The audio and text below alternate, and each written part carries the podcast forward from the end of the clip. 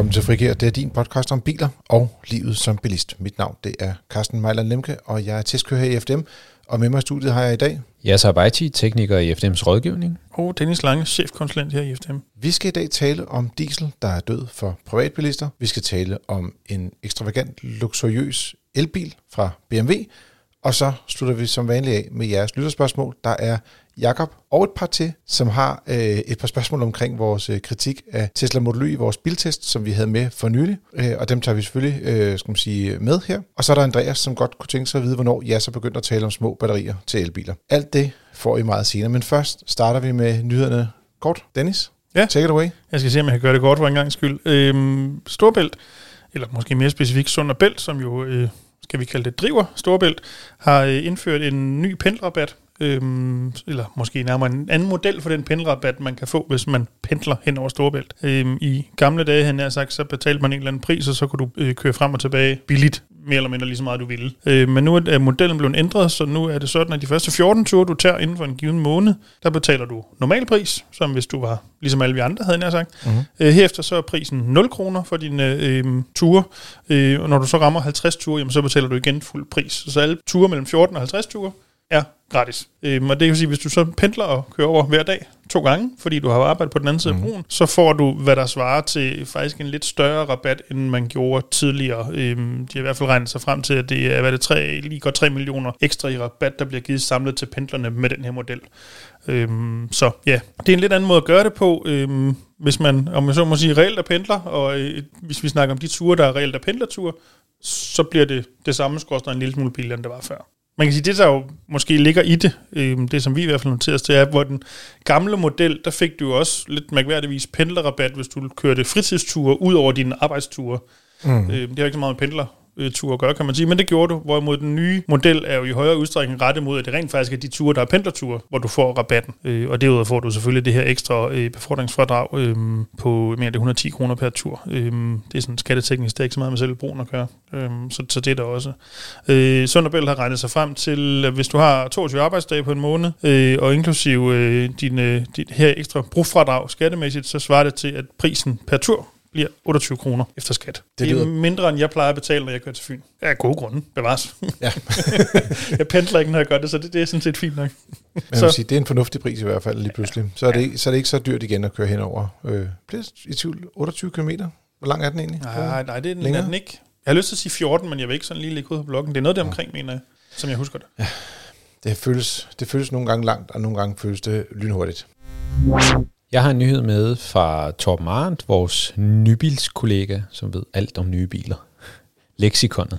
Øhm, det er Mini, som, øh, som vil lancere en, øh, en Countryman, en elektrisk Countryman, og øh, inde på vores hjemmeside, der har vi faktisk en, øh, en artikel, hvor man får lov til at se nogle camouflagebilleder af, hvordan sådan en bil, den formentlig kommer til at se ud. Man kan godt få nogle, sådan nogle indtryk af, hvor, hvor, hvordan fasongen kommer til at være i hvert fald. Det der sådan er, er lidt øh, specielt ved den her bil, det er, at den faktisk bliver større, altså den bliver længere, den her bil, den vokser øh, i forhold til den øh, nuværende generation. Øh, og så øh, kommer den i, øh, i to varianter.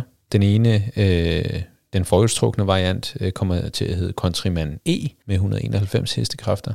Og så har man en, øh, en firehjulstrukken øh, model, en Countryman SE All 4, kommer den til at hedde med 313 hestekræfter. Øhm, og de bliver udstyret med et 65 kWh batteri og, øh, og lander på en officiel rækkevidde på cirka 450 km WLTP. Så, øhm, så det glæder vi os til at se, om, om de overhovedet kan få solgt nogle biler i det her segment. Det er lidt, det er lidt specielt, ikke? Altså det er ikke, det er ikke fordi, der er, det er væltet ud med, med mini-biler. Ja, man kan sige, at i Danmark har de jo altid været ligget Niche. Jo, men må, må nok mest på grund af prisen. De har været relativt dyre, hvor på andre marker bevares, de har nok også været dyre end, end størrelsesmæssigt tilsvarende, men der har forskellen ikke været så stor på grund af de danske registreringsafgifter, som jo giver mm. forskellen. Det er mit indtryk af sådan noget i England i hvert fald, og jeg tror også i Tyskland, der har det været relativt Der populære er mange, biler. der er mange uh, minier i Tyskland. Ja, Jeg men du har ret helt i Danmark, der er det, øh, altså, der er det en del, men det, det er det- ikke sådan, øh, du skal sparke dig frem for minier, trods alt. Mm. Og den her, den kommer jo så til at blive bygget i, i Tyskland øh, som, som, som de første øh, modeller af Mini. Øh, hvor at, øh, de bliver bygget i England og andre steder i verden. Så det bliver spændende at se. Det ligner ud, nu skal man jo altid med de her camouflage og så videre jo have det lidt med et grænsalt, men det ligner på de linjer, man trods alt kan se, at det kommer til at ligne minde utrolig meget om den nuværende generation, dog mm. så nok bare lidt større. Mm. For eksempel her det detalje med, at den øh, sidste øh, hvad sådan noget, siderude, altså henne i bagagerummet, er lidt lavere end, end de andre ruder er. Det er der også på, på den nuværende. Øhm, så men det er jo sådan, i Mini altid har gjort det. Det er mere evolution end revolution, når, de, mm. når der kommer nye generationer. Så ja. jeg, jeg tror, man kommer til at se noget, der ser forholdsvis kendeligt ud. Øh, jeg tror næsten det største forskel bliver, at det ligner, at, at lyssignaturen i, i forlygterne er en vandret linje, hvor det jo altid har været en, en ring ellers. Mm. Øhm, det er måske det største, ja. sådan umiddelbart, man kan se forskel. Ja, så synes jeg sådan, at det er, som du siger, det er svært at sige noget om de her camouflage-billeder, og så den der bagende der med de lygter der, det kunne godt minde lidt om noget Rolls-Royce-inspireret et eller andet på bagenden. Men lad os nu se, når, når de piller det her folie af. Mm, ja. Man kan sige, det er jo også øh, BMW, der er begge fabrikker, både Rolls-Royce og Mini, så øh, det kan være, der ligger lidt der. Mm. Men øh, man kan godt se lidt på hestekræfterne. Mm og batteristørrelsen, mm. og så sige BMW X1 i eludgaven. Ja. I X1. Men det, det er, vel, præcis samme præstationer. Men er det ikke, jeg kan faktisk ikke huske, om du sagde det, ja, er det ikke samme teknik, som det har været hidtil, eller hvad? Altså den nuværende Det er det en helt ny generation og en anden ja. størrelse bil, der er markant større end det, de har lavet før. Men det er rigtigt, at den gamle var også baseret på en X1'er. Ja, altså, ja præcis. Jo, ja. Ja. Mm. Så de, de, havde, de to de, modeller har fuldt Nej, undskyld. I, nej, ikke en X1'er. Det er en, øh, den, der hedder... Var det ikke i3? Active Tour har kørt med det samme som Minien. Nå, jeg tror også, det var X1'eren, som i virkeligheden var... Jeg er faktisk lidt i tvivl om, så der er noget med, det hvor de placerer, øh, skal man sige, øh, elruderne henne. Det kan også være, at X1'eren også har haft det, men... Øh. Okay. Men om ikke andet, det er nye her, det er, ja. det er meget øh, samme tal, som man også ser hos øh, BMI. Ja, hvorfor, jeg tror, skulle, det hvorfor skulle det være anderledes, kan man sige? Altså, hvis du har en det platform, mening, jo. og hvis du har en teknikpakke, jamen, så begynder du ikke at opfinde den dybe tallerken, så er det bare at sætte en anden skal på, og så videre i teksten. Ja. Og så skal alle sammen ligne sådan en lille mini-bil ja. ikke? fra 50'erne, ham der Alec Isigonis øh, originale Mini. Det er ligesom den form, man gerne skal have til sidst. Ellers, ja, ja, ellers giver det slet ikke mening at have de her biler, biler overhovedet. Jo. Ej, man kan sige, hvis man gik fuldstændig væk fra sådan det grundlæggende mini-design, eller design cues fra den grundlæggende mini, mm. så er der ingen grund til at kalde det en mini længere. Ja. Altså, så er det fuldstændig ligegyldigt. Det det, det, ja, den man, man prøver bare at ramme bredt i markedet, kan man sige. Ikke? Altså, der skal være noget til enhver smag, og der er nogen, der kan genkende en mini, og den ser sådan her ud, og sådan så det også ud, da jeg var barn, og så videre, og så kan man sælge biler på den baggrund. Ja. Jeg synes til gengæld, øh, at jeg læste, ikke nødvendigvis på vores egen hjemmeside, at øh, stationcar-udgaven, hvad hedder den, det er så Clubman, kan det passe, at den øh, dør nu, at der ikke kommer en ny generation den. Men det tror jeg også giver meget god mening. Jeg synes bare, det er, det er jeg er tæt på at sige, jeg synes, det er den pæneste mini-variant af de, nu, af de nuværende generation.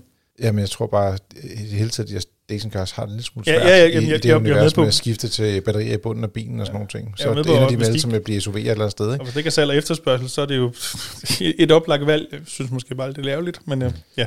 Men det, den der med øh, lyssignaturen, du taler om, Dennis, det tror jeg bliver interessant at se, om de så også ender der, hvor vi ser prototypen er nu, øh, om de ikke ender også med at have en cirkel, fordi at ellers det vil være lidt mærkeligt. Tidligere det lavet nogle smarte ting med baglygterne, de havde sådan nogle øh, engelske flag i også, mm. altså ja. ligesom for at gøre det lidt mere spændende at se på. Ikke? Men, øh, ja, ja det, det igen, prototyper videre. Det ligner det heller ikke, at det bliver. Men det, det, det ved ikke, hvor mange generationer man kan gentage den gimmick, hvis det skal være. Ja, det skal også være, at det er en ekstra styr. Ja, eller ja, ja. topmodellen har det, eller ja, et eller andet. Ja, det kan det sagtens. Jeg har taget en nyhed med, øh, som øh, Anders Vendt, vores øh, forbrugerjournalist, øh, har skrevet, og den øh, drejer sig om øh, en Kia-ejer, som øh, simpelthen øh, er blevet lidt træt af sin bil. Han øh, har også valgt at, at sælge den, fordi at øh, han havde nogle ting, der var gået i stykker på den. Og øh, han har jo købt en bil og fået den serviceret lige efter bogen. Øh, men han kunne ikke få dækket øh, et øh, bakkamera, der var gået i stykker og øh, fire gløderør. Det var en dieselbil, så der var mm. gløderør sådan nogle biler, øh, der også var gået i stykker. Øh, og bakkameraet, der var bilen 3,5 år gammel. Men øh, så fandt han ud af, at øh, den syv års garanti, bilen har, er ikke syv år på alting. Øh, der er nogle undtagelser, og herunder også øh, AV-udstyr, som de kalder det så fint øh, som radioen så falder ind under, og der hvor bakkameraet så også ligger i. Øh, og der er den så åbenbart kun på tre år. Og øh, det samme gør sig så gældende for glødrøren, der så er en, en sliddel øh, en eller anden år. Er det rigtigt forstået? Ja, altså det kan sagtens Eller også være, bare den, beskrevet konkret i Det kan sagtens være, at den er, den er skrevet ud af det, fordi altså, vi, altså, et glødrør er som sådan ikke en sliddel. Altså det er jo ikke...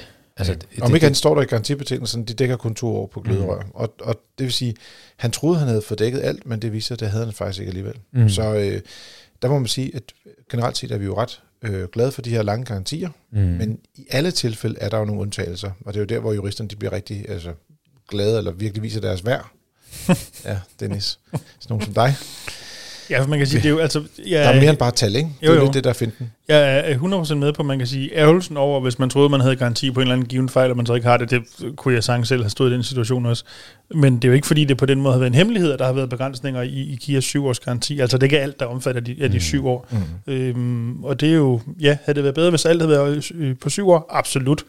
Øhm, men altså, det er, hvad det er, var jeg lige ved at sige, men det er da ærgerligt, når man står i situationen. Men jeg, jeg, det er jo stadigvæk bedre, end hvis der bare havde været en, en, en treårsgaranti på det hele. Altså, der tror, det, Ja, det, det er to. bedre at have noget, end at have ingenting, hvis man kan sige ja. Det sådan. Øhm, og så kan der så være øh, situationer som det pågældende medlem her, hvor man jo heldigvis rammer lige præcis de fejl, som så er undtaget. Man kan så spekulere på, hvorfor det er det, der er undtaget. Det er måske, fordi det er de ved, der går ofte i stykker. Det hænger jo mange gange sådan sammen. Men øhm, ja, det er altid ærligt at af med trælse penge på den måde. Ja, altså jeg, jeg vil bare sige, det, det, det er særlig vigtigt, at man, øh, hvis man, hvis man gerne vil have den her fulde tryghed og den her fulde dækning, så kan det godt være, at man skal øh, ud og tegne måske en service- og reparationsaftale. Øhm, og det kan, men, men og det kan også, kan der også være begrænsninger på. Ja, ja, men, men det kan også bare virke voldsomt, ikke? Og så har du en bil med syv års garanti, for eksempel, og så har du en service- og reparationsaftale, og så har du, og så har du, og så har du, og lige pludselig så koster det dig 1.500 kroner om måneden, øh, bare for at holde, holde bilen, ikke? Mm. Så man skal ligesom mærke efter, hvad, hvad man er til. Øhm, men det er klart, altså hvis man har en, en forventning til, øh, for eksempel koblingerne på, på, på de her DCT-gearkasser, som, øh, som Kia og Hyundai for den sags skyld også kører med, jamen det er jo en kobling øh, i en, i en øh, automatgearkasse, øh, som kan blive slidt. Og det er jo så også spørgsmålet, om det er dækket i ens garantibetingelser. Det skal man også ind og kigge og se, hvad står der egentlig. Fordi hvis det her er en sliddel, det koster altså mange penge at, at få skiftet sådan en kobling her. Mm. Øhm, og så vil man blive slemt skuffet. Øhm, så det er en rigtig god idé at, ligesom at kigge øh, på de her garantibetingelser i, i købssituationen, og så vurdere med sig selv, om man har hvad kan man sige, øh, øh, ro nok til at, at, at bare at fortsætte med den almindelige garanti, eller om man skal tilkøbe noget ekstra øh, service- og reparationsaftale. Jeg er jo endt samme sted som Dennis, tror jeg, Mm. jeg kan sige. I hvert fald i en periode var endt med, at jeg har købt en bil, som har en, nu har jeg så en med syv års garanti. Det er meget svært at gætte mærket nu. Mm. øh, og så øh, hvad er det, øh, har jeg så også tilkøbt en service- og reparationsaftale hos øh, en forhandlerkæde, som også løber i syv år. Mm. Øh, og, og jeg ved også godt, at den dækker ikke alt, alt, men jeg ved bare, at jeg har dækket mere nu, end hvis jeg ikke havde begge dele i virkeligheden. Ikke? Altså både lang garanti og service- og reparationsaftale øh, oveni. Ja, du så jo det igen samme sted som mig. Det er rigtigt, jeg havde service reparationsaftale på den ene bil. Den er udløbet. Ja, det er det, jeg mener. Det er også derfor, så jeg var, jeg lige, mener, jeg nu har var vi to så- biler øh, uden noget. uden noget. Fuldstændig uden noget. Hvordan føles det, Dennis? Øh, Kan du være dig selv? Dit, øh, dit Ja, ja, jeg har tror- tryghedshjerte. Jeg har kunnet sove om natten indtil videre, men øh, hvis nu der går noget galt, kan det godt være, det ændrer sig. Så kommer der nok en ny bil. Denne uges emne, store tema, det er salget af biler til private personer. Fordi vi har haft en lang periode, og også mange spørgsmål for den sags skyld, der handler om, hvorfor snakker jeg så meget om elbiler? Øh, det, det er jo ikke noget, der er relevant for os, og så videre, og så videre. Men i skyggen af kampen mellem elbilerne og benzinbilerne, så har det vist sig, at i de første tre måneder i år, så er der stort set ingen private bilister, der har købt en dieselbil. Diesel er død, og der er faktisk blevet solgt så få som 326 øh, dieselbiler, hvor det er, at der er blevet solgt næsten 8.000 benzinbiler, og også næsten 8.000 elbiler for den sags skyld. Ja, til private, alle tallene. Vi taler kun om øh, salg til private. Vi er en podcast for private bilejere. Det er dem, der går ud og køber bilerne selv. Øh, hvad er det? Og, og det er os, så at sige, almindelige mennesker, der går ud og handler biler, som har ligesom fået den her, kan sige, øh, er, er gået den vej. Hvis man ser på bilsalget generelt set, så vil man stadig kunne se, at benzinbilerne de fylder meget. Der bliver også solgt en del dieselbiler. Men på privatsiden, der er det bare sådan, at diesel er gået voldsomt tilbage. Elbilerne er ikke så overraskende på grund af det kæmpe salg af Tesla Model Y, som jo stort set kun er til private personer, gået voldsomt frem. Øh, øh men, men det er jo sådan, at man før i tiden gik og snakkede om, og nu ved jeg godt, det her det går på det generelle bilsalg, at man havde sådan cirka 20% elbiler, og man havde også sådan cirka, var det 20% plug-in hybrider eller sådan noget, og så resten, det var sådan diesel og benzin, ikke? Mm. Og det er altså begyndt at tippe, og i hvert fald hvis man kigger alene på privatsalget, øh, så er det øh, stort set kun benzinbiler og elbiler, der bliver solgt i øjeblikket. Plug-in hybriderne har en, stadig en lille rolle. De, der bliver solgt lige i underkanten af 1000 af dem, men det er stadig en, en 8. del af, hvad der bliver solgt af, af elbilerne og benzinbilerne. Så jeg vil sige, det, det er lige pludselig gået hurtigt, men nok også takket være, at mange bilkøber holder igen i øjeblikket på grund af øh, de store omkostninger, der har været med ja, bare at købe smør og, øh, ja, ikke alt, der køber smør selvfølgelig, men det kan også være mel, gas, strøm, mm. alt muligt, alt muligt andet, ja. hvor priserne er steget helt sindssygt, og man går og tænker, puh, vi, skal, vi passer nok lidt på. Og man kan også se, at de biler, der bliver solgt i øjeblikket, det er relativt små biler til private, lige på nær når det er elbiler, så de er ret store og dyre. Mm. Udover, så skal vi bare for en god undskyld også huske på, at de biler, der kommer på plader, udover at der er jo alle de faktorer, du nævnte, så er det jo heller ikke øh, lige fordelt, hvad for nogle biler man rent faktisk kan få lov til at købe, og ikke mindst få leveret. Ja. Øhm, der er også en stor, øh, stor faktor der, trods alt. Men, men jeg synes også, hvis du kigger på priserne på dieselbiler, som også kan være en årsag til det, det er, at de stede helt voldsomt. Altså det lyder meget dyrt at købe diesel. Ja, man kan sige, at gamle dage, det er jo ikke så frygtelig mange år siden, der kunne du relativt sagtens også få dieselbiler nede i mikro- og minibilsklassen. Det tror jeg faktisk ikke, der findes nogen modeller ja. med mere, altså ikke som, som nye. Ja. Øhm, og det gør jo selvfølgelig, at det bliver betragteligt dyrere, hvis man skal have en, en dieselbil, der skal op i dyre klasser. Og det gør jo også en, ja, men, en men, påvirkning. Men så kommer du også op i nogle klasser, og på grund af de nye afgifter, øh, gør faktisk, at de, det, er blevet, det er blevet noget dyrere at købe en, en dieselbil. Mm.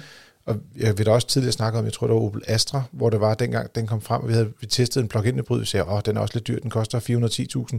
Ja, ja, men dieseludgaven af den samme bil med mindre udstyr kostede 500.000. Det var lige 100.000 oveni for at få en teknologi, der var på vej ud. Ikke? Ja. Så man forstår godt, hvorfor folk de vælger at sige, okay, med mine spareskillinger, der går jeg en anden vej i dag. Mm. Helt sikkert. Altså du, selvom øh, øh også elbilerne er dyre, PT-delen en lille smule på vej nedad i det. Det har været værre, tror jeg, måske vi skal kalde det. Men så får du bare rigtig meget bil for pengene, når du er oppe i, i de der prisklasser, øh, kontra hvis du køber en, en dieselbil, eller sådan set også en benzinbil i mange tilfælde i hvert fald. Når man går ind og kigger på, hvad, øh, skal man sige, hvad køber folk ben, øh, bil for sådan i gennemsnit sidste år, så tager man, det er Danmarks Statistik, der skal man sige, trukket nogle tal, og så kigge lidt på, øh, lidt afhængig af hvilken form for, for drivmiddel man har øh, skal man sige, handlet i. Om man så har købt en benzinbil, så har de kostet sidste år 245.000 i gennemsnit. 246, hvis man skal være helt præcis, kan jeg se. Og øh, elbilen, jeg tror, vi taler i rundtal her. Mm. 250.000 for en benzinbil, men en elbil koster 450.000. Ja.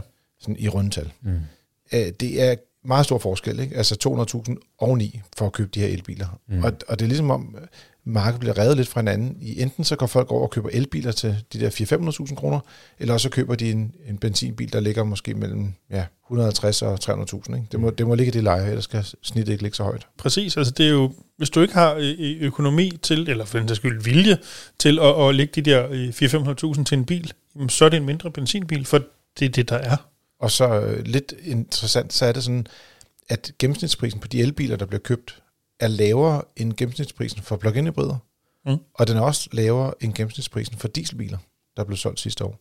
Så det er faktisk den næst billigste, så at sige, eller den næst laveste priser, fordi det er, måske, man skal også, det er på tværs af bilklasser det her, ikke? så det er også mm. både store biler, små biler og alt muligt andet. Ikke? Så øh, ja. Jamen det er interessant.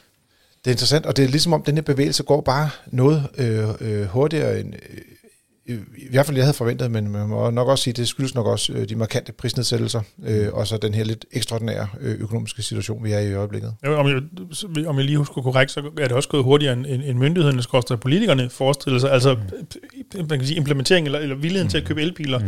er foran planen, hvis man kan kalde det det. Og ja. altså, det er jo isoleret set en god ting, men, men det var bare ikke øh, det, det, det mønster, at man regnede med, da man i sin tid regnede på det. Og det gør sig så især gældende for, øh, skal man sige, privatbilisterne, skal ja, vi huske at sige. Jo, jo, jo. Ja, fordi der er stadig en del, øh, når man siger privatbilister, så ryger der jo faktisk også en del biler ind under, øh, skal man sige, privat leasing. Og de biler kommer jo ikke, de bliver ikke indregistreret til en privatperson i salgsstatistikken, som jeg husker det. Ja, de vil jo typisk, øh, hvis det er en normal privatleasing, så vil det typisk være øh, brugerne, der er registreret af privatpersonen. Altså Præcis. registreret bruger på bilen. Nå, okay, godt. Ja. Check. Så, så den er på den måde med. Det er mere, hvis du er i de der, så lad os kalde det kortleasing, så er det ikke altid sådan. Så er det Ah. vil, vil ofte være leasingselskaber, der både står som ejer og bruger. Ja, fordi der har været en del kampagner, som har været 12 måneders øh, øh, kampagner, i stedet for tre års Ja. øh, privatleasingaftaler. Mm. Og der kunne man g- godt være, forestille sig, for eksempel, der har været en del Ford Kuga, Ford Kuga her. ja, mm. som godt kunne ligge over, som principielt egentlig er private brugere, men som godt kan være registreret Ja. over Jeg ved faktisk ikke, hvad, de, øh, hvad leasingselskaberne egentlig gør med de der, så lad os bare sige 12 måneders leasing, om de gør det, registrerer, hvem de registrerer som bruger i virkeligheden. Jamen, Altså, man kunne få den mistanke, at de fuskede så meget, de kunne med afgifterne, så de kunne gøre det billigt nok til, at det var attraktivt for de private at gå den retning, ikke? Jo, jo, jo. Men Så. altså, man kan sige, afgiftsmæssigt er der, ikke, der er ingen forskel på, om du er registreret som bruger. Den, ene, Nej, det er rigtigt. den nærmest eneste forskel er, hvem der skal betale vægtafgiften. Forstået på den måde, den bliver jo sendt til den registrerede bruger. Ah, på den måde. Yes. Eller ejerafgiften, undskyld. Yes. Ja. Done deal. Men om ikke andet, så er det et, øh, et, et, et, skal man sige, et brud, og det bliver også spændende at se, om det kan holde ved, fordi en ting er, at der lige er sket en øh, kæmpe eksplosion, interesse, boble, alle dem, der er gået og overvejet at købe Tesla, er sprunget ud, fordi de fandt ud af, at øh, priserne på nogle modellerne faldt sådan 75.000 eller 130.000 kroner, og så sagde de godt, nu, nu hopper vi på bølgen, og så øh, går de i den retning. Men det er jo ikke sikkert, at der er lige så mange, der har den øh, skal man sige, øh, der- kapital til at gå ud og købe biler i det Der kan prisleje. ikke blive ved med at være samme mængde mennesker, der gør det hele tiden, mm. måned efter måned. Så Nej, men det går jeg stærkt ud fra i hvert fald. Det, det får vi at se, om, om, om det kan vare ved, om, om deres øh, salgstal kan være så høje. Altså, nu fik Tesla jo også indregistreret, det endte med at være øh, 3.200 biler øh, sidste måned, ikke? altså i marts måned, som jo er en all-time record. Og øh, da vi talte om det, der havde vi ikke fået tallene 100%, da vi optog. Øh, så, så der var det sådan en forventning om, hvor vi endte henne. Men det her, det er jo, altså, det er jo et ekstremt tal, faktisk. Ikke? sige. Altså helt, helt vildt. Men, men der er jo ingenting, der peger på, ret mig hvis jeg tager fejl, at dieselbilen kommer tilbage på salgsstatistikkerne, som virkeligheden ser ud. Nej, Godt, det, altså, i, I de mindre tal kan det godt være, det sådan bevæger sig lidt op og ned, men det er jo ikke sådan, der er ikke en dieselbilsrenaissance lige rundt om hjørnet. Jamen, du kan sige, for det første er bilerne blevet dyrere. Mm. øh, og dyrere, øh, altså, øh, de er stadig billigere at køre på brændstoffet og køre længere på literen end benzinbilerne. Mm. Men de er så dyre i indkøb. Og så tror jeg, der er rigtig mange, som er lidt bange for det her univers med, altså en ting er, hvis de ringer ind til Jasser og får rådgivning om, hvornår man skal have en dieselbil i det hele taget. Der kan man godt blive lidt bange for, om man overhovedet har et kørselsmønster, der passer til en dieselbil, for man skal køre ret langt for, at, at man ligesom kan være en god dieselejer. Ellers så ødelægger man simpelthen bilen og får nogle dyre værkstedsregninger. Men den anden ting, det er, må man tage dem ind i byen? Ups, jeg synes, jeg hørte noget med miljøzoner. Der sagde de dieselbiler. Det er godt nok kun biler, som har, ikke har partikelfilter, men kommer de så senere til at gøre noget andet, bliver man så også begrænset i andre lande, eller hvis du skal bruge bilen på rejser og sådan nogle ting. Så jeg tror, at hele den der, øh, skal man sige, usikkerhed, der er omkring, hvad sker der med diesel i fremtiden, Mm. gør, at der er mange, der siger, godt, det bliver ikke mine 500.000 kroner spareskillinger, øh, skillinger, der bliver lagt derover, så vil de hellere gå ud og købe en elbil i stedet for, Ja. som de kan få måske endda billigere, end, end dieselbilen øh, koster. Og så er det, at elbilen i øvrigt også billigere i drift bagefter. Ja, ja. Ja, altså de har også øh, inde i øh, København, det har ved jeg også, vi har skrevet en artikel om, der har de lavet sådan en sluse, øh, man kan køre ind igennem. Ja, der, der er en enkelt stump af en gade, hvor man har øh, øh, forbudt alt andet end nul-emissionskøretøjer. Jeg føler mig ikke overbevist om, at det er lovligt, det de har gjort, men, men lad os lige parkere det et øjeblik. Det er det, de har gjort i hvert fald, øh, hvor benzin- og dieselbiler jo så ikke må, må køre igennem. Jeg har det fra pålidelig kilde. Vi har en kollega, der bor tæt på, at det, nu er det på Nørrebro. Mm. Det er der ingen, der retter sig efter. det gør ingen forskel. øh, men øh, ikke desto mindre, så er det de skilte, der er sat op. Men hvis du skal, hvis du skal gøre det der, altså hvis du skal øh, følge reglerne, og jeg har en kammerat, der arbejder derinde, Mm. mm. han skal køre, øh, jeg ved ikke hvor mange øh, 100 meter udenom, og det bruger jo ikke, øh, det, det, det, det udleder jo ikke CO2. nej, nej, præcis. Det ved vi jo alle sammen. Omvejskørsel, det tæller ikke med. Nej. Ja. Well Det var done. ret at vide egentlig. Well done. ja, det er det. Ja, som minimum, så, altså, det er jo en, en gade, uden det skal blive alt for København nok, det er jo en gade, som løber parallelt med Jagtvej, mm. og har altid historisk set, i hvert fald når man kan sige, når trafikken står stille på Jagtvej, så har nogen brugt det som en, en, en smutvej, fordi mm. man alligevel skulle til den side måske. Øhm, det er jo så mm. i hvert fald formelt set lukket ned nu, hvilket betyder, at du får endnu mere trængsel ud på Jagtvej, og flere biler, der skal holde i tomgang derude. Jeg kan heller ikke helt se, hvad det egentlig er, det hjælper nogen. Det har heller ikke hjulpet noget. Nej. Nå, men om ikke andet, øh, der er et skifte på vej. Elbilerne var meget tæt på at overhale øh, benzinbilerne Ja. ja. på, i salgstal i første kvartal. Mm. Og det er sådan en, der måske godt kunne vippe lidt, når vi kommer hen i andet kvartal. Dieselbilerne. Lidt, lidt afhængig af Tesla, ikke? Trods alt. Jo, men Ja, det bliver spændende at se, fordi ja. de har jo sænket lidt priser øh, på nogle af deres modeller i USA og sådan noget, men indtil videre er de jo holdt... Altså, det er jo ikke kæmpe øh, prisnedsættelser, de laver længere. Nu er der nogle lidt mindre justeringer. Der må også være en grænse for, hvor meget de kan sænke deres biler. jeg. Et eller andet sted skal de vel tjene nogle penge. Denne uges biltest er en ganske almindelig BMW i7. Den ligger også nummer et. Hvor ligger den nummer et henne? Den ligger nummer et i salgslisterne, ikke? på grund af prisen. på 1,6 millioner ja. i øh, standardprisen, og så dertil kan du så lægge alt det udstyr, du har lyst til. Mm. Det bliver stadig dyrt. Øh, og der er øh, også afgift på elbiler, især når de bliver lidt dyrere. Du sagde det, lidt, ikke? Der er meget. Der er ret meget afgift på de her biler også. Øh, men, men det er klart, at det er billigere end... Det er faktisk sådan, at hvis du går ud og køber en... Den findes også i sådan en plug-in hybrid udgave, mm. eller hybrid udgave, mm. og den har samme, stort set samme øh, startpris. Det er mm. lidt interessant. Mm. Men lige præcis på de her biler, der kan jeg godt se lidt, hvor man... Øh, jeg snakker med en gut, der, der er i det her marked for store luksusbiler. Og øh, hvad er det, øh, han er ikke helt klar til at, at skifte endnu til el, fordi at han hvert år kører 100.000 km. Og øh, han kan simpelthen ikke nå at få lavet bilen op, når de kører så mange kilometer hver dag. Han er, han er så chauffør på, ikke? Mm. Men, men, men 100.000 km, det, det er det, som en del af de her jeg skal ja. sige, luksusbilejere bruger deres biler til at blive transporteret rundt i, skal man sige, i landet til de forskellige virksomheder. Ikke? Og det er jo ellers der, sådan ud fra en eller anden lige betragtning, jeg ved, der kommer noget praktik med ladetider, og jeg er heller ikke sikker på, at det segment nødvendigvis hænger så, så meget i den del. Rent driftsomkostningsmæssigt er der jo ja. virkelig noget at hente på en elbil kontra en benzin eller diesel, når du kører så mange kilometer. Helt sindssygt. Helt sindssygt. Batterigarantien er også udløbet efter halvandet år. du er sikkert ret, ja. Lille detalje. Men, men derudover, øh, hvis vi hopper tilbage øh, ind på, øh, på bagsædet, ikke mindst, af, af den her i7, der, der havde den sådan nogle øh, sæder, som kunne sådan, øh, lægge sig ned, ligesom jeg forestiller mig, det er og nærmest at flyve på første klasse. Det, jeg har aldrig prøvet øh, desværre, det der, hvor man ligger helt ned. Mm. Det kan man selvfølgelig ikke gøre i en, i en bil, så, så lang er den heller ikke. Men man kan så godt som ligge helt ned. Og, øh, altså, og så er der massage, og selvfølgelig også varme i bagsæderne. Og det var simpelthen, altså jeg måtte lige øh, vi er ude og hente, bringe biler øh, hver mandag, når vi skal ud og teste biler. Og øh, vores øh, gode kollega Stanis og jeg, vi skulle så ud og hente en bil, og så på et af strækkene, så kører vi jo, altså, vi skal aflevere en bil, så kører vi hen til et andet sted for at hente ja, ja, en anden bil. Så ja. kører vi jo to mand i en bil. Så jeg, Stanis, jeg er blevet så lige sat mig op på bagsædet, fordi jeg skal lige prøve det her. og så da jeg prøvet det, så sagde jeg til ham næste gang, nu, nu sætter du dig om bagved.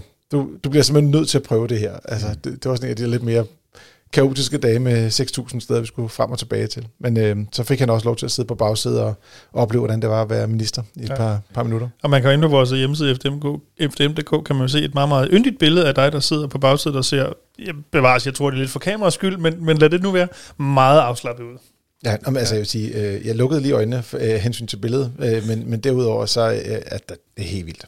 Det er så fedt at sidde på det bagsæde. Ikke dårlig stue, den der. Vi kan måske tale lidt om farven. Øh, altså, Bordeaux læder ikke min umiddelbare yndling, hverken i bil eller i stuen. Det er sådan en øh, aubergine-farve. Ja, det Ja, jeg er ikke sikker på, at det rigtige læder, for at være ærlig. Ja, men, Ej, men faktisk sådan, uanset hvad materialet er, så...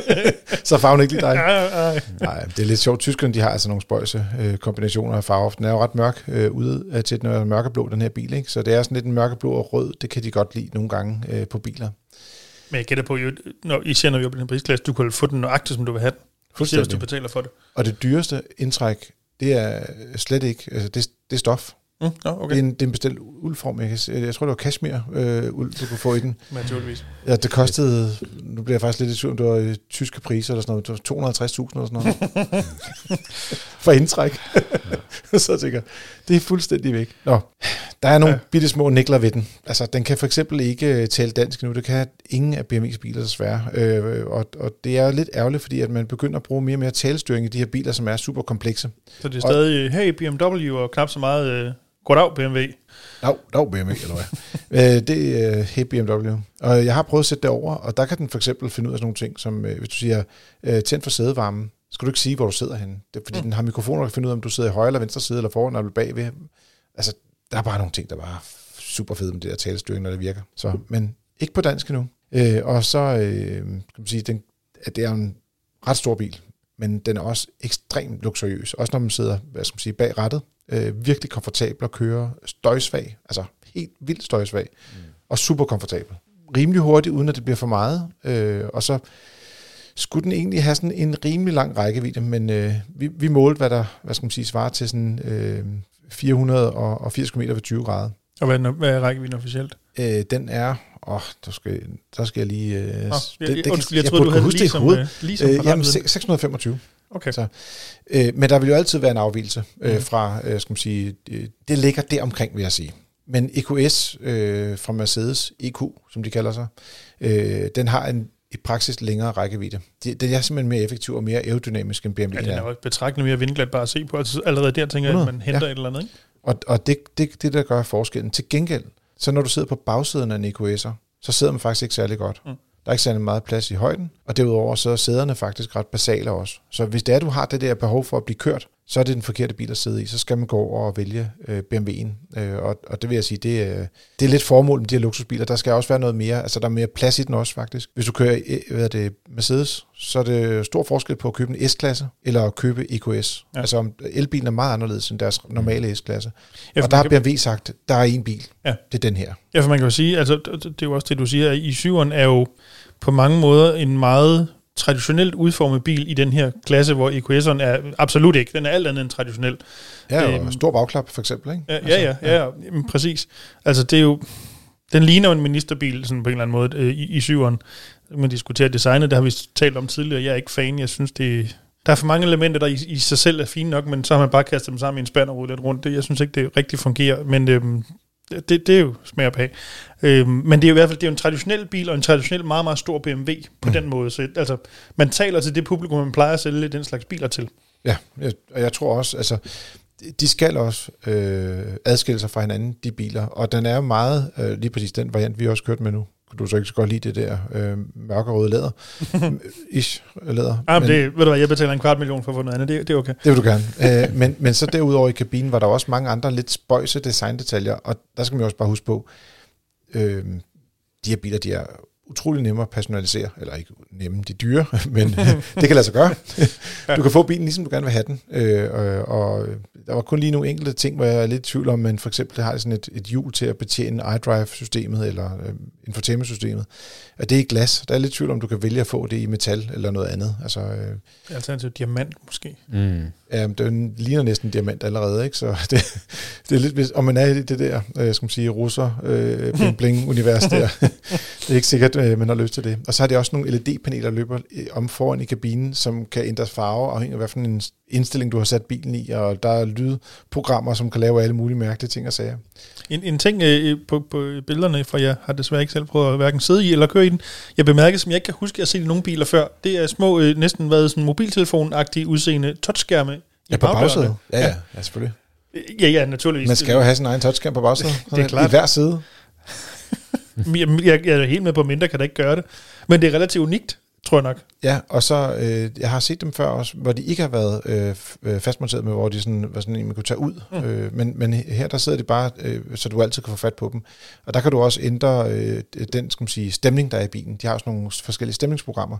Så det er ligesom, at den, der sidder bagved dig, bestemmer, hvordan bilen skal være, fordi det er ligesom, Det er der ingen Højre bagsæde bestemmer. sig i. Mm. Nej, lige præcis. Ja. Det er det, det er derom, det kører fra. Og så kan du også øh, for eksempel øh, skærme dig af i forhold til omverdenen. Øh, hvis du godt vil have, at der skal være lidt mere mørkt, så kan du køre sådan nogle øh, mørklægningsgardiner øh, op og ned bagved. Og ja, øh, hvis der er glastag, så kan man også køre det, øh, lukke det til og sådan nogle ting, så man kan få lov til at få lidt mere fred og ro om bagved. Mm.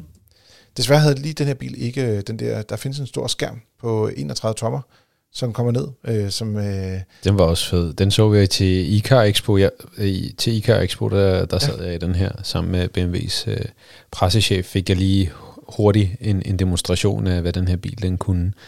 Øhm, ja, det, altså, det, det er jo bare BMW, der spiller med musklerne, kan man sige. Ikke? Altså, det, er det er, der, der er ikke sparet på noget. Det er bare døre, der lukker selv. Og, altså, der var ikke sparet på noget som helst her. Når du siger lukker selv, ikke også? Mm. Og Så er åbner selv. Og åbner selv. Ja. Og du kan øh, som chauffør øh, øh, inde på en skærm, øh, for det første er der knapper på alle pladserne, så du kan åbne og lukke dørene øh, automatisk. Mm. Men der er også øh, inde på selve hovedskærmen, kan du lave sådan øh, en øh, quick øh, setting, hvor du går ind, og så får du sådan en menu frem, hvor du så kan vælge at åbne og lukke dørene fra chaufførens plads, altså som chaufføren kan åbne og lukke dørene ind fra bilen af. Det er jo super fedt. Men når du kommer ind og skal køre, Mm. så sætter du dig ind, og når du så trykker på bremsepedalen, så smækker døren i. Mm. Og jeg mener virkelig, den smækker i. det er næsten lidt for voldsomt. Men Okay. det er sådan nogle ting, som man siger, Nå ja, hvorfor? Altså hvis den alligevel kan lukke døren, så er der jo ikke nogen grund til, at man skal bruge energi på at lukke en dør. jo. Altså, mm. det er jo spild af tid faktisk. Ikke? Det er jo, det, jeg kan godt lide den der lean-tanke. Og så kan man jo tænke på, havde det havde været en Tesla, så havde der samtidig været et program, hvor du kunne få dørene til at åbne og lukke, og blinke, lysen til at blinke i takt til det øh, julemusik, du spillede ud af anlægget. Ja, det er ikke engang løgn. Det, der mangler BMW stadig noget. Eller gør de? Jamen det synes jeg faktisk, fordi et eller andet sted, så er det der, hvor der er, altså Tesla får alt den der gratis øh, omtale og reklame, og folk, der deler deres videoer og laver viralt det ene eller andet.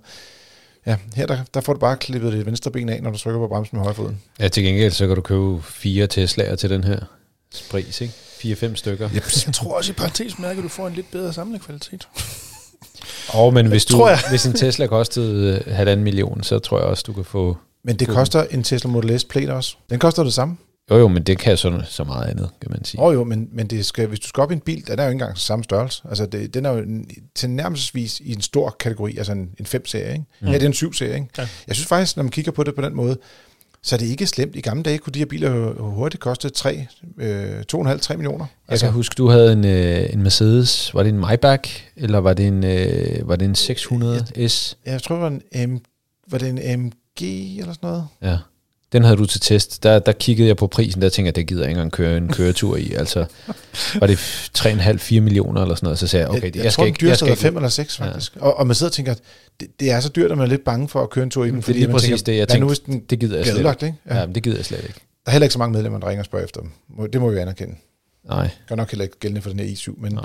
om igen, det der er spændende her, det er, at vi kommer til at se mange af de her ting øh, glide stille og roligt ned i en 5-serie, i, og kommer snart. Det skal dryppe ned på... og så på, kommer der en 3-serie senere. Lige præcis. Så øh, det her med døre, der lukker selv og sådan nogle ting, det, det, det er lidt spændt på, om de, om de får ført med. Øh, Altså, hvis, øh, hvis Volkswagen de sparer knapper til bagruderne, tror du så, de vil bruge motorer til at, at lukke selv? Det tror jeg er negativt. Det er udmærket pony, altså. Ja, så det kommer på et eller andet tidspunkt, må ikke, men, men det bliver ikke til... Det bliver ikke til. Men, men det er fedt at se, altså det er meget fedt at se, hvad teknologi, hvor langt er vi nået i teknologierne, hvad, hvor, hvad, hvad, hvad kan man den dag i dag? Øh, det, det er jo sådan, at, at alt, alt det lækreste udstyr, alt det gode sikkerhedsudstyr osv., mm. det starter i de aller højeste premiumbiler. Øh, det var i ABS'en i gamle, gamle dage, mm. og det, det er jo standard i alle biler i dag. Ikke? Så, Men trods alt er der også noget af de ting, som er startet i luksusbiler, som måske mere har karakter af, skal vi kalde det en gimmick, som mm. startede i luksusbilen, og så også døde der. ja, ja, ja, ja. Men det her, det er som sagt, det er jo bare en, en demonstration af, hvad kan vi? Mm, ja, ja, helt sikkert.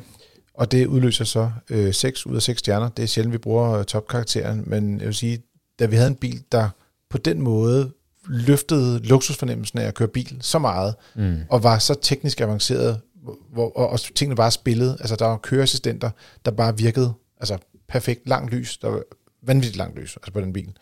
Som bare siger, okay, det er svært at forbedre det her. Det er klart, øh, der er altid ting, man kunne tænke sig, at lidt længere rækkevidde, lidt hurtigere ladehastighed osv. osv. En respektabel garanti. Ja, det kunne godt have mere end to års garanti.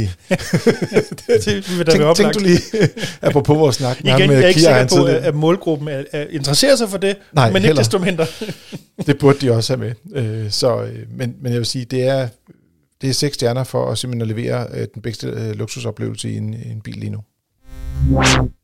Og så er det tid til at hive fat i jeres lytterspørgsmål. Øh, for det første, så har vi fået et øh, her fra Jakob. Han skriver, øh, Hej FDM, mange tak for en super podcast.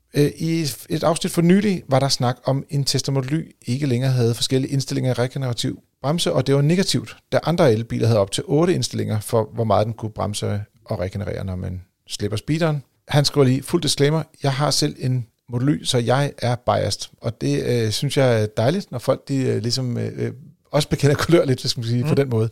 Øh, men han synes, det er lidt ærgerligt at nævne det som noget negativt.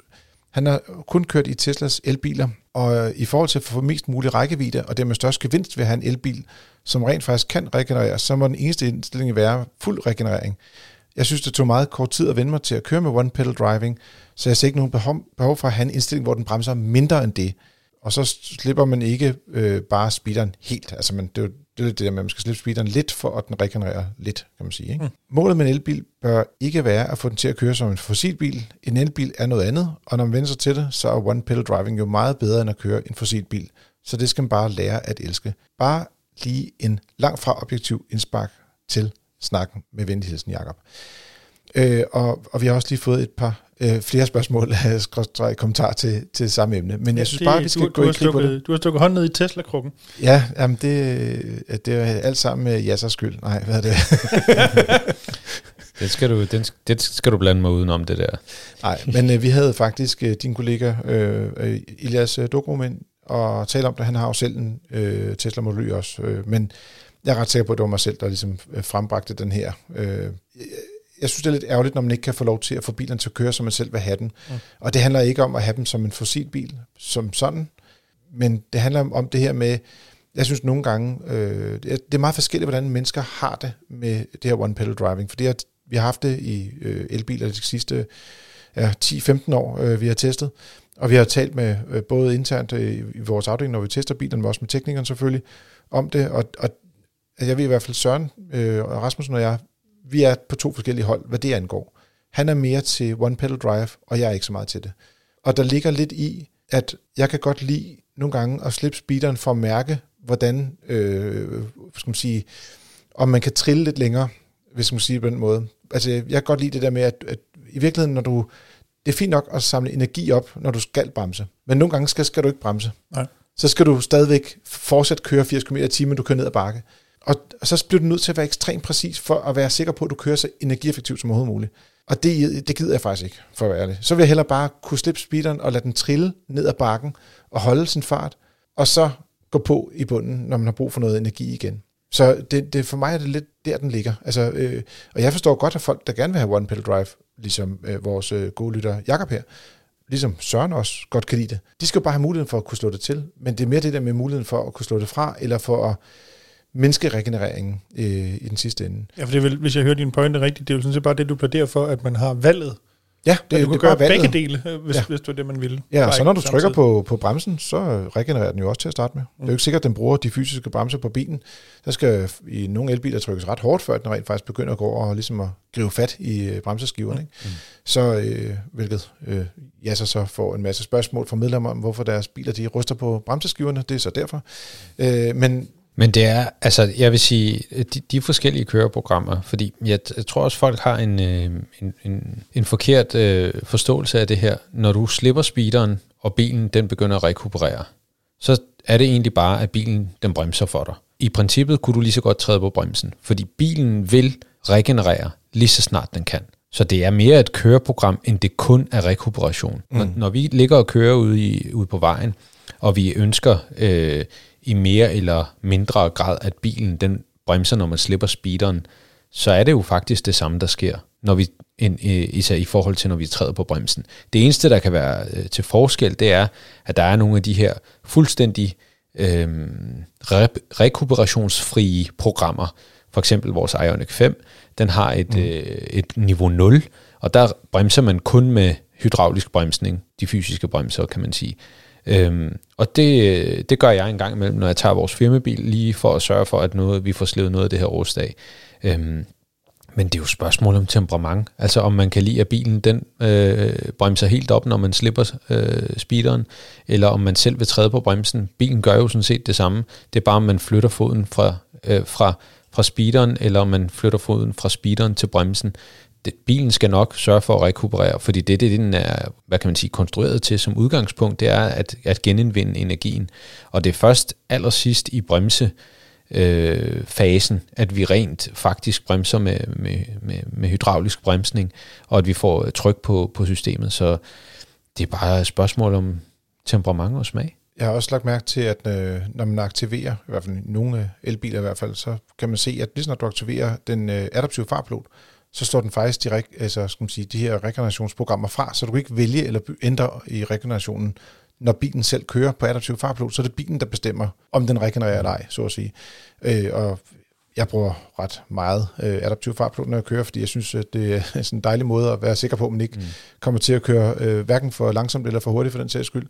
Øh, så jeg synes, det er sådan en god måde, og der, og der bruger man det jo slet ikke, så ender jeg jo faktisk kun med at køre nærmest bykørsel med det her. Og så er det jo en temperamentsspørgsmål, om man vil have lov til selv at vælge, hvornår man bremser, eller om bilen skal gøre det lige snart man slipper på speederen. Mm. Men jeg, jeg kan også godt lide den måde, øh, Volkswagen har gjort det, ved at den ligesom selv øh, vurderer på baggrund af, hvordan der køres. Fordi jeg kan godt lide uh, one-pedal driving, når jeg kører ind i byen. Mm. Men det vil jeg ikke have, når jeg kører på motorvejen. Så, så når hastigheden er højere, øh, så vil jeg gerne glide lidt mere i, i trafikken. Og så har man den her, hvad kan man sige, øh, automatiske øh, indstilling, hvor bilen ændrer øh, rekuperationens, øh, eller køreprogrammet ændrer sig, øh, alt efter, øh, hvordan man kører i bilen. Ja, og hvor du kører, fordi det er jo også sådan, at den faktisk øh, lige i det her tilfælde også øh, tager hensyn til for eksempel rundkørsler mm. øh, og andre ting. Og så har du faktisk, øh, du har kun mulighed for at vælge to køreprogrammer hos øh, Folkevogn. Mm. Du kan vælge det normale, altså mm. drive, og så kan du vælge en, der hedder B, mm. hvor der så er mere, øh, skal man sige, one pedal drive føling mm. i, det, i så fald. Øh, som jeg husker, det er de begge to øh, automatiske. Det er bare mm. graden af automatisering, kan man sige. Der. Mm. hvor meget den så bremser.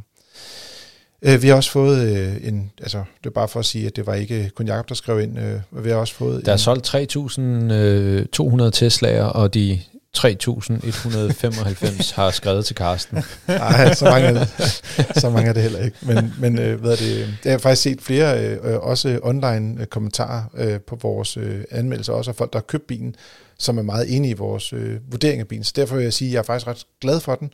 Øh, og der er også, det er fedt nogle gange at få de der, altså øh, bevares, nogle gange er der jo mennesker, som er lidt aggressive på sociale medier. Men generelt set var der faktisk nogle ret gode kommentarer, også i andre fora end vores egen, øh, hvor det ligesom folk øh, sagde, at det, de kunne godt kende, kende mange af de her ting. Mm. Øh, så, men øh, blandt andet er der en, der hedder, hedder Jesper, som også har skrevet ind, som så spørger øh, også ind til det her. Øh, han, han synes nemlig også, at det, det er godt det her øh, med regeneration, øh, og at øh, han spørger om, skal speederen så også kunne justeres i tre trin? Og der må jeg sige, at øh, gerne mere. Mm. gerne mere end tre trin. men, du, men, men rent faktisk, så just, altså, speederen kan jo godt justeres i tre trin. Der er jo mange biler, hvor du, øh, det hvis, du trykker, på den hvis du trykker sport, hvis du trykker sport øh, og kører i sportprogrammer, ja. øh, i forske- oh, den har vel også chill? De har både chill, og så har de den almindelige, ikke? Ja, og så øh, nogle af dem også... har de jo også et uh, ludicrous mode eller noget andet, så der, på den måde har de jo faktisk uh, tre former for speederprogrammer. Og det så. har man kun i, i mange år. Og så har vi også fået en uh, henvendelse fra Bjarne, der kører Model 3, altså ikke Model Y, men Model 3, og i hans bil, og der har han lige sendt et billede ind af det, og det er jo, øh, tak for det, den er så opdateret den, til den software-version, der hedder Iceland version. Jeg tror, den hedder Island. Hvis nu vi skal lige ret på det, på det engelske. Det er ikke Island. Nej. Nå, okay, jeg tror, det Nå, jeg sidder der ice. ja, ja, okay, sorry. tak, tak for øh, korrektionen der. Det næste øh, spares lige for øh, Så, så behøver de der 3.100 ikke at skrive en gang til. yes. Island-versionen. Ja. Godt. Øh, men øh, der var der faktisk mulighed for at vælge mellem forskellige former for regeneration. Så det, og det er jo så finten. Øh, vi har også haft det tidligere på Model Y, så var det væk, da vi testede. Det kan være to uger senere, der var det tilbage igen. Øh, det, det er jo lidt den øh, glæde, der ligger i de her øh, skal man sige, opdateringer. Og så er der selvfølgelig lidt forskel på Model 3, Model Y, Model S og Model X også for den sags skyld. Så, men tusind tak for jeres kommentarer. Det er vi rigtig glade for. Øh, og, og især også, øh, de er skrevet alle sammen i et, øh, et, et pænt sprog, så man kan holde ud og læse det uden at, at gå grædende hjem og ligge under en dyne øh, i flere timer og græde sin hjerne ud. Vi har også fået et spørgsmål fra Andreas, han skriver, Hej Frigir, tak for en god podcast. I jeres seneste episode nævner Yasser, at han er for mindre batterier ud fra lavere spænding og mere power. Er der et bestemt afsnit, hvor I diskuterer dette, da jeg først lige er begyndt at lytte til jer? Og Andreas, jeg forstår godt, at man ikke lige siger, at jeg skal høre 231 episoder igennem, øh, fordi der kan være lidt langt at lede efter, øh, hvornår øh, Yasser, han lige har præcis har spildt sin øh, guldkorn øh, ud i, her i vores æder. Men kan vi ikke bare tage den i stedet for? Jo. Også fordi, at øh, så opsummerer, hvad du har sagt de sidste to år. Øh, ja, så, ja, ja ved, ved utallige lejligheder, tror jeg. Men, ja, fordi det er mange gange, vi har været inde på emnet, vil jeg lige sige, øh, i forbindelse med forskellige biltest. Men, men jeg tror, der, jeg tror uh, Andreas har misforstået noget, øh, fordi mindre batterier har jo ikke øh, mere power. Øh, mindre batterier har mindre power. Mindre batterier har typisk også, øh, hvis vi tager øh, Ioniq 5 for eksempel, så findes den med en lille og en større batteripakke. Mm. I den lille batteripakke, der er både mindre power og mindre kapacitet, øh, og i den store pakke, der er mere power og mere kapacitet. Så, så, men det, som jeg, jeg, jeg plejer at sige, det er, at, at man måske ikke skal lade sig afskrække af at købe en bil med en mindre batteri, hvis nu det er tilstrækkeligt for ens kørebehov. Men jeg kan godt se, hvorfor folk vælger de større batterier, hvis nu at prisforskellen, altså differencen for at opgradere 15.000 kroner, Så, Ja, go ahead. I lige præcis, det, det giver jo ikke mening næsten at købe den lille batteripakke. Men jeg tror, i, i takt med, at vi bevæger os ind i en tid, hvor at, at vi måske skal udnytte ressourcerne bedre og, og producere flere elbiler med mindre batterier, i stedet for at producere få elbiler med meget store batterier, jamen så kommer vi til at se en ændring, et skifte, øh, hvor man begynder at vælge øh, biler med mindre batteripakker. Øhm, for hvis det er tilstrækkeligt, og bilen er nok effektiv, altså hvis bilen er effektiv nok, så ser jeg ingen mening med at køre i en bil med et 100 kWh batteri. Altså det er, det er typisk meget øh, store, øh, meget kraftige øh, eller meget ineffektive biler, der har brug for så store batterier.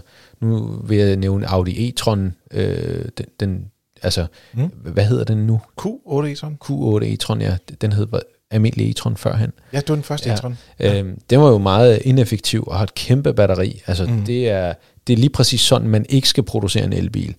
Øhm, men, men altså, vi, vi ser jo, øh, lad os bare tage øh, øh, Tesla Model 3 for eksempel, som ikke har et kæmpestort batteri. Øh, Altså i standard range, i standard på, range, ja, ja. Øh, og, og er meget effektiv. Det, det, det er meget bedre at udnytte øh, energien og, og ressourcerne på den her måde, og, de, og det viser sig også, at, at bilerne de holder ganske længe på, på, på batteripakkerne, så, så den, det, den har endda en lidt billig øh, skal man sige, batteritype, LFP-batteri Ja. øh, på. Mm. Og jeg kender, altså nogle af vores gode venner har lige præcis købt den der model, i stedet for den med det store, lange, hvad skal man sige, fjolstræk og long range Ja. og masser af rækkevidde. mm, De har, øh, okay, deres familie ligger sådan primært sådan Fyn, øh, trekantsområde deromkring, skråstræk, Mm. hovedstadsområde. Det er den distance, de bevæger sig i. Aldrig problemer. Mm. Altså, den kan altid lige komme hen og lige få lidt juice rundt omkring, hvis det er brug for en lidt, noget til en lidt længere tur og sådan noget. Mm. Og jeg tror også, at det der med at, at købe til sommerferien hver fjerde år, mm, det, det er spildte kræfter et eller andet sted. Men jeg tror også, man skal passe på, når vi taler små batterier, at man ikke får for små batterier. Fordi da vi startede med at teste biler, og årsagen til, at vi altid har sagt, køb nu en stor batteri, for en god ordens skyld. mm, Det var fordi, da vi kørte øh, med de første elbiler, der, så havde vi jo batterier, hvor der var rækkevidden var nede på altså 70 km om vinteren. mm, Og så sagde vi, det, det er nok ikke nok. nej, Så skal der være noget mere til. Ikke? mm, Og nu begynder der at være nogle biler, hvor selv modellerne med de små batterier faktisk har en fornuftig rækkevidde. Du kan sige Tesla Model Y, som vi jo lige havde Tesla Model. Y og Hyundai Fornuftigt. Kona og ja. Niroen og altså de her biler i, i, Ja, Niroen, der har de jo så fjernet det lille batteri jo. Og i Konaen tror jeg faktisk også, at de fjerner mm. den der 39 kWh størrelse, og kun har 4-65 kWh, mm. som jeg husker det er. Jeg tror, du har ret, ja. Den kommer Ja. ja. først til efteråret 100%, så der ved vi det, hvordan de markedsfører dem herhjemme. Ikke? Men, men, men man kan sige, nu har vi selv 65 kWh batteristørrelse, Mm. Og jeg ser ikke noget behov for, at vi skulle have haft mere. nej, Men jeg ville heller ikke have haft et på 40. nej, Så, der, så der er lidt et eller andet sted et, et cut-off der, hvor man bliver nødt til at have et eller andet til, at om vinteren der man bare kortere rækkevidde, mm. og man gider ikke at lade hver dag. Det er faktisk ret smart det der med, at man kan vente en 3-4 dage med at lade, fordi så koster det halvanden krone den ene dag at lade per kilowatt-time, mm. og så går der på dag, så koster det 30 øre. Altså en kæmpe forskel i pris, mm. ikke? Så det er meget fedt det der at kunne tage det der skifte og sige, godt, om så, eller til 50 øre, eller man skal sige, ikke? Så, så lader dem billigere der. Men, men altså, jeg, jeg tror, jeg tror at øhm, nu, nu har vi jo også øh, lige haft en artikel ude omkring, hvordan folk forholder sig til elbiler. Øh, mm-hmm. Meget negativt og så videre. Ikke? Og, og der er jo mange, der har den der, jeg skifter ikke til elbil, før den kan køre 1000 km på en opladning. Ikke? Og det tror jeg bare, altså hvis man tror, det bliver sådan, det, så kommer man til at vente rigtig længe. Jeg tror, at vi skal vende os til, at det er anderledes at køre elbil. Vi skal stoppe, og vi skal lade. Øhm, mindre batterier gør, at bilerne bliver lettere, så skal vi ikke bruge lige så mange kræfter på at drive bilen frem. De skal til gengæld være effektive. Øh, det kan være øh, ved, at de har en, en lav rullemodstand og vindglatte og så videre, men også at de, de, de, de genbruger, igen kommer vi tilbage til rekuperation, mm-hmm. at vi kan genbruge noget af den her energi, vi, vi bruger, når vi kører, øh, og, og på den måde ligesom og varmepumper og alle sådan nogle her ting. Altså, øh, jo, jo bedre vi kan lave de her elbiler, jo mindre batterier har vi behov for, og i sidste ende, jamen, så, øh, så kan vi producere flere billigere elbiler. Og det tror jeg, det er, det, er, det er måden at gøre det på. Og det kan godt være, jeg tror måske, at Tesla, hvis jeg, hvis jeg skal forudse noget, Ja. øh, at, at Tesla de kommer til at være øh, nogle af de første, øh, der, der, der, der snakkes lidt om øh, på jungletrummerne, om at der kommer noget med et omkring 50, 50 cirka kWh batteri øh, til en mindre model. Og det kan godt være, at det er dem, der starter det, men jeg tror, det er den retning, det kommer til at gå. Vi skal ikke have 100 kWh batterier i bilerne. Men standard range er heller ikke meget større end 50. Nej, Altså i forvejen. nej. Er det ikke lige præcis. 55 eller sådan noget? Måske, det ved man aldrig. 58 eller sådan noget. Ja. Jamen, men, de, men det er også de, de siger ikke, hvor stort det er, jo, så det er lidt svært men, at vide. Men det er også, 100%. det er også øh, fint, altså man kan sige, det, det vigtigste er for forbrugeren, det er, hvor, hvor langt kan jeg komme på, på min opladning, øh, mm. og hvor hurtigt kan jeg lade min bil. Øh, så kan tallene øh, rykke sig, øh, alt efter hvor, hvor effektiv eller ineffektiv bilen den er. Hvis man lige skulle hive fat på, et, øh, bare lige for at strække den lige øh, et minut mere, altså, og Mm. lige få lidt mere ud af dig. Mm. 800 volt kontra 400 volt. Mm. Giver det mening at have små batterier med 800 volt teknologi, eller er, er det spild? Fordi normalt plejer du at være glad for de her 800 volts teknologier, mm. Fordi du så kan få nogle lidt mindre øh, ledninger i bilerne mm. og sådan Mm. nogle ting, og de har også mulighed for ja. At kunne blive ladet hurtigere faktisk. Ja, altså man kan sige, at, at, at fra et øh, produktionssynspunkt, der vil det nok være øh, en fordel, fordi man kan spare på nogle koverkabler, og man kan spare på en masse komponenter, fordi man, man, når man hæver spændingen, så kan man sænke øh, øh, strøm, øh, strømmen, øh, men, men, du kan, men du får den samme effekt ud af, ud, ud af øh, komponenten, for eksempel elmotoren. Øhm, men om det kommer til at være, hvad kan man sige, det mest gængse, det, det vil jeg sige, det må tiden vise. Altså, det, det kræver bare, under godsøjen bare, at man sætter nogle flere batterier i serie, i stedet for, at Mm. man, i stedet for, at man, man har en masse parallelforbindelser, og det kan sagtens lade sig gøre, men, men, men spørgsmålet er, om man har øh, højvoldskomponenterne, der kan køre på de her 800 volts teknologier, og det kræver jo også en omstilling. Ja. Så, så, øhm, men om det er den vej, øh, øh, det kommer til at være, nu ved jeg, at, øh, at vi skal lave en podcast i næste uge, og der kommer vi til at tale om lidt forskellige ting, så jeg vil gemme lidt til, til næste uges podcast. Uh, en teaser. Uh, teaser. Ja. Godt. Jamen ved du hvad, på det, så lukker vi ned herfra. Du har lyttet til Frigir. Det er din podcast om biler og livet som bilist. Husk at abonnere på den her podcast-app i din mobiltelefon, eller whatever. Din bil måske, kan man også abonnere på nogle biler. Hvis der er en indbygget podcast op, så kan man sikkert Så nok. kan man sikkert det. Og hvis du har nogle spørgsmål, så kan du sende dem til podcast Ja, så Dennis, tak. Det siger jeg også. Selv tak. Og til dig, kære lytter, tak fordi du lytter med, og god tur derude.